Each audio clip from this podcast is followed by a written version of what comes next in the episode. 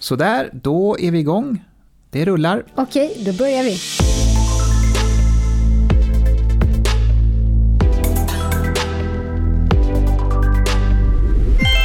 Hej och välkomna till Hållbara Bibblan, en podd om bibliotekens arbete med de globala målen.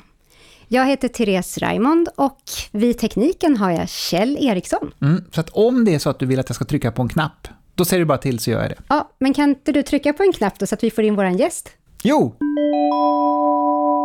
Hej hej, kul att vara här. Idag så har vi med oss Martin Törnros. Martin, vem är du? Jag är UX-designer, det vill säga att jag jobbar med att eh, designa användbara system, kan man sammanfatta det som. Och så är jag mjukvaruutvecklare och jobbar mycket med medie och informationskunnighet, särskilt mot bibliotek. Perfekt, för att idag kommer du och jag Martin prata om design för delaktighet på internet. Så det känns väldigt bra att jag har med mig en UX-designer då. Grejen är att den här podden kom ju till, Hållbara Bibblan, det kom till i samband med ett MIK-jam för Agenda 2030. Och det är ju du Martin som har hittat på det här med MIK-jam.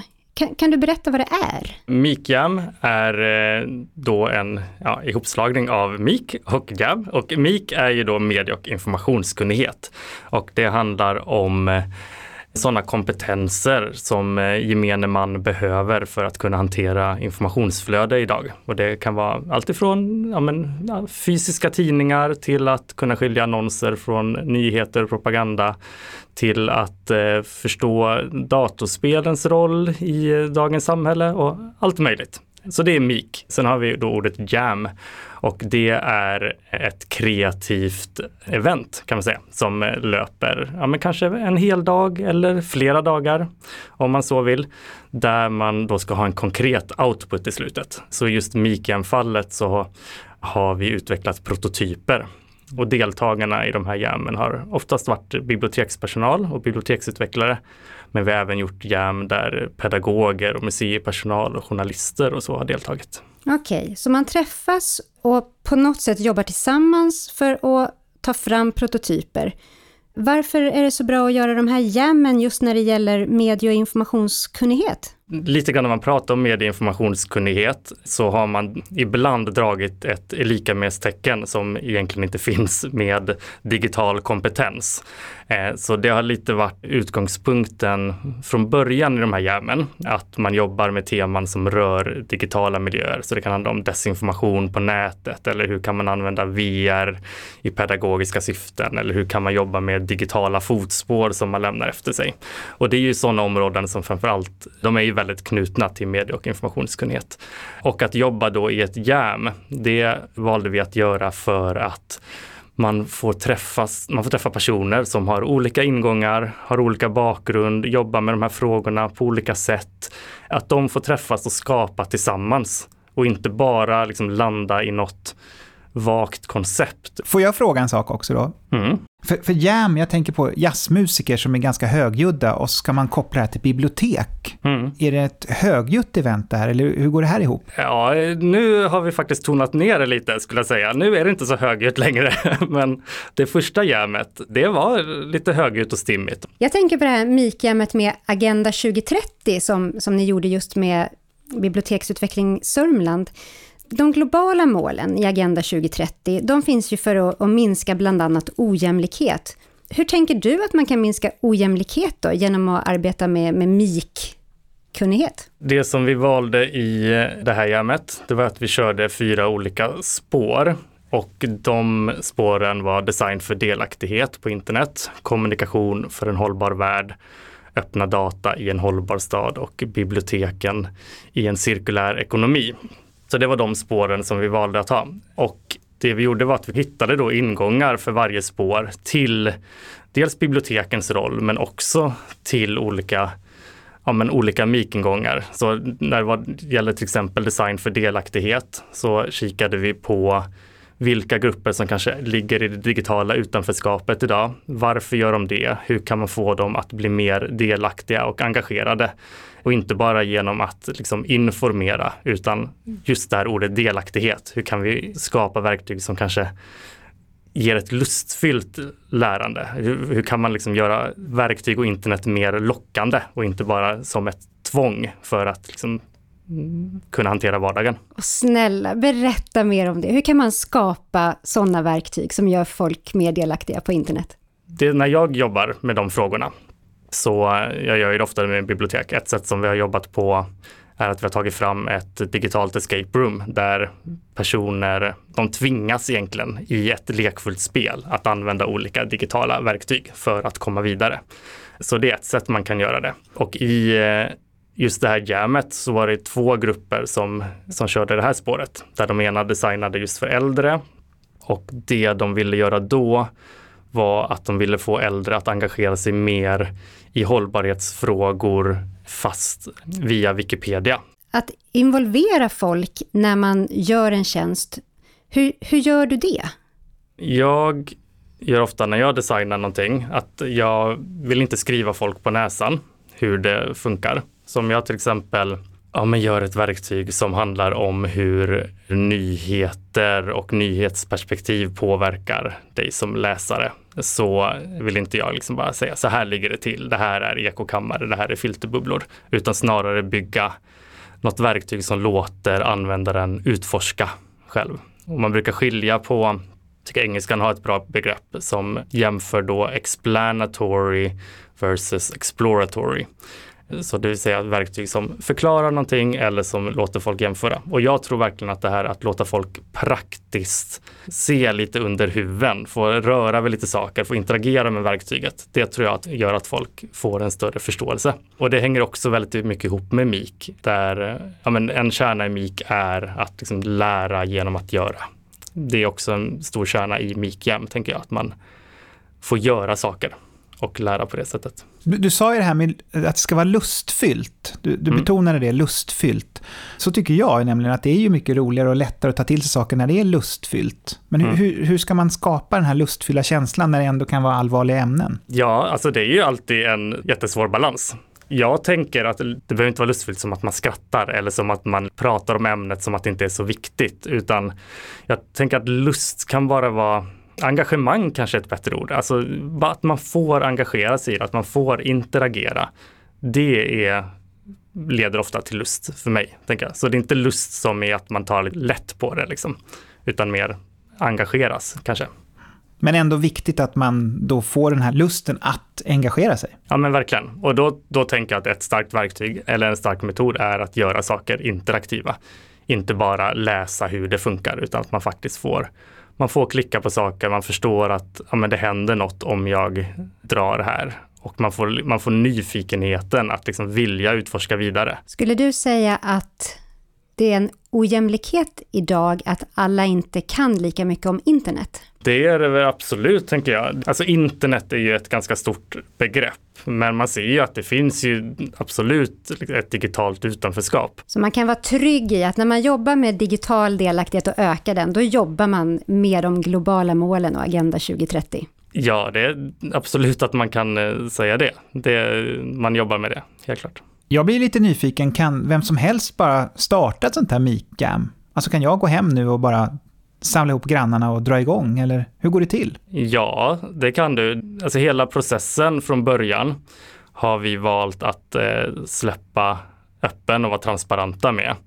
Så det är inte bara det att resultaten från sådana här Micam är fria att använda.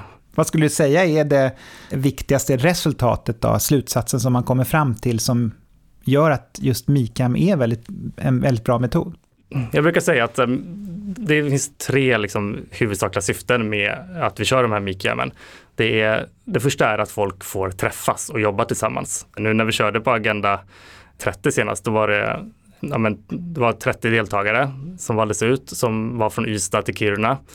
Och jag varit lite chockad när jag insåg att de jobbar aldrig, eller väldigt sällan tillsammans tvärs över regionerna. Nu kanske Ystad och Kiruna är väldigt långt ifrån varandra, men liksom regioner som också ligger närmre och jobbar med liknande frågor inom biblioteks-Sverige. Det är inte så ofta de träffas och ens får liksom brainstorma tillsammans. Så det, det är bara ett resultat i sig, tänker jag. Och så har det varit på, på flera av de ICA men vi kört.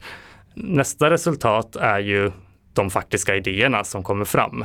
Eh, de är också ofta väldigt intressanta. Man ska också ha i åtanke att det är en designsprint som normalt kanske är en månad lång om man ska göra den liksom djupgående som vi har komprimerat ner till en eller två dagar. Med det liksom i åtanke så är resultaten som kommer fram helt fantastiska. Men eh, de behöver ju arbetas vidare på för att sättas i bruk, givetvis. Men det allra viktigaste resultatet är, skulle jag säga, att eh, deltagarna får nya metoder i att arbeta användarcentrerat. Eh, så vi använder en metod som eh, kallas Double Diamond som gör att man först ja, men utgår ifrån användarens behov, ramar in, ja, men definierar problemformuleringar, kör en idégenerering och börjar prototypa. Och det är väl det som vi också märkt på utvärderingar från Mikiam, att det är det som folk verkligen tar med sig till sin egna verksamhet. Att få den här nya metoden och sättet att arbeta med användaren i fokus. De finns på hemsidan. Så eh, antingen så är de i formatet av en liten kort eh, film som deltagarna har spelat in eller så finns de i ett Padlet-bräde som är en digital whiteboard kan man säga, där man kan följa gruppernas process och eh, hur det lett fram till slutresultatet. Och det är fritt för vem som helst att ta del av och bygga vidare på om man själv vill det. Nu tänker jag att vi ska ringa till ett bibliotek. Ja, det kan jag ordna. Biblioteken i Kungsbacka, du pratar med Isabelle. Du har kommit rakt in i en podd. Åh, vad härligt! Vad kul! Hej Isabelle, vem är du? Ja, hej! Mitt namn är Isabelle och jag jobbar på biblioteken i Kungsbacka med digital delaktighet och digital kompetens. Vi sitter här och pratar med Martin Törnros om design för delaktighet på internet. Spännande! Och då blev vi nyfikna. Hur har ni på biblioteket i Kungsbacka jobbat med det? Jo, men vi har arbetat med tjänstedesign som metod som är ganska lik Double Diamond. Där man då tar reda på liksom invånarnas behov och försöker förstå det behovet och också idégenererat fram olika lösningar och, och prototypat dem. Sen kan man säga att vi har pitchat och presenterat dem och, och gjort en färdplan framåt för att sen då förverkliga den lösningen kan man säga. Vilka är vi? Det är kommunstyrelsens eh, förvaltning där jag då teamar med en innovationsledare, en tjänstedesigner men sen är det också kultur och fritid i Kungsbacka kommun och det, det är ju alltifrån biblioteken i, i Kungsbacka till, till Ung i Kungsbacka och, och senior i Kungsbacka. Sen har vi också förskola och grundskola som finns med oss i det, digitalisering för lärande, där utvecklare är med. Så ni har träffats och kommit på idéer för hur ni ska jobba med delaktighet på internet? Man kan ha sett ett behov då i Kungsbacka kommun, eller vi har sett ett behov just där, hur kan vi öka den den digitala delaktigheten i kommunen. Vi har sett det behovet genom digital hjälp och stöd och handledning, främst där invånare har, har kommit till oss på biblioteken på olika sätt och, och samtalat med oss. Men sen också då att hur kan vi då jobba mer som kommun med medskapande och delaktighet för att just öka den digitala delaktigheten i kommunen. Hur ska ni jobba i kommunen med ökad digital delaktighet? Ja, men det är just det där att hur kan man dra nytta av våra resurser som vi, vi faktiskt har i kommunen? Hur samlar vi vår kompetens och möter invånaren i det? Du, det låter så lätt när du säger det så här, att vi har samlade folk som jobbar på kommunen och olika förvaltningar och så här, men, men eh, hur lätt har det varit? Jo, men det krävs ju ett större internt arbete i det och att man, man tänker att man då kan förnya sitt tankesätt, att man, man provar, prototyper och och pilota på olika sätt. Och, och det kan ju vara en utmaning, men just att faktiskt träna och provtänka tillsammans, det har varit väldigt viktigt i det. Hur kan vi möta det behovet? Vilka lösningar finns? Vad kommer vi på tillsammans och med invånarna? Vad har invånarna i Kungsbacka för behov då? Jo, men de behöver just det vi har fått input på då, en plats för samlad kunskap där man faktiskt kan prova sina idéer och få få stöd och hjälp och handledning. Och då har det blivit en del i vårt koncept då mera digital lärcenter 4. Men vi har också sett att man är i behov av en mer mobil verksamhet som faktiskt åker ut till olika ställen. Kan man få låna surfplattor och sånt hos er också eller? Ja, man kan låna både surfplattor men sen också programmeringslådor som heter Lär tillsammans-lådor. Mm, så man kan ta hem och lära sig programmera? Ja, det lånar de precis som en bok egentligen på biblioteket. Så då kan man låna hem både surfplatta, ta med den och få hjälp och stöd och handledning. Om man inte själv har ett eget verktyg eller ekonomiska förutsättningar för det så kan man möjlighet att testa och prova. och låna om. Jag har en liten fråga också, är det okej? Okay? Ja, ja, självklart. Isabelle, för jag undrar, det här avsnittet heter ju Design för delaktighet på internet. Mm. Vad skulle du säga är bra design, alltså tycker du, för att det ska bli en delaktighet på internet? Bra design, det skulle jag säga att faktiskt eh, ta reda på invånarnas verkliga behov. Att genom samtal och intervjuer och observation att ta reda på vad, vad är det invånaren behöver? Vad är den personen intresserad av? Hur skapar vi nytta för den personen?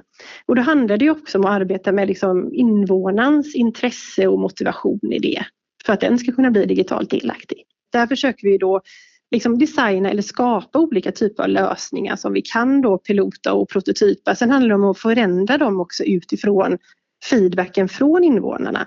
Så det är ju liksom inte en helt färdig process utan snarare att nu, nu provar vi det här tillsammans, får input på det och sen också kan utveckla det ännu mer då. Har det varit lätt att sälja in arbetet med tjänstedesign? Det får ta sin tid, den processen, så att eh, man får, vad ska man säga, man får provtänka tillsammans och, och arbeta med processen flera, flera gånger tycker jag så att det blir levande. Så att man tänker mycket utifrån tjänstedesign i olika banor. Att hur skapar vi verkligen nytta då för invånaren innan vi skapar program, utbildningsinsatser och sådana saker. Att är det det som invånaren har ett behov av? Men vänta, nu har vi sagt tjänstedesign många gånger. Vad är egentligen tjänstedesign? Men det är att man då försöker förstå invånarens behov. Man formulerar ett behov och man blir användaren själv.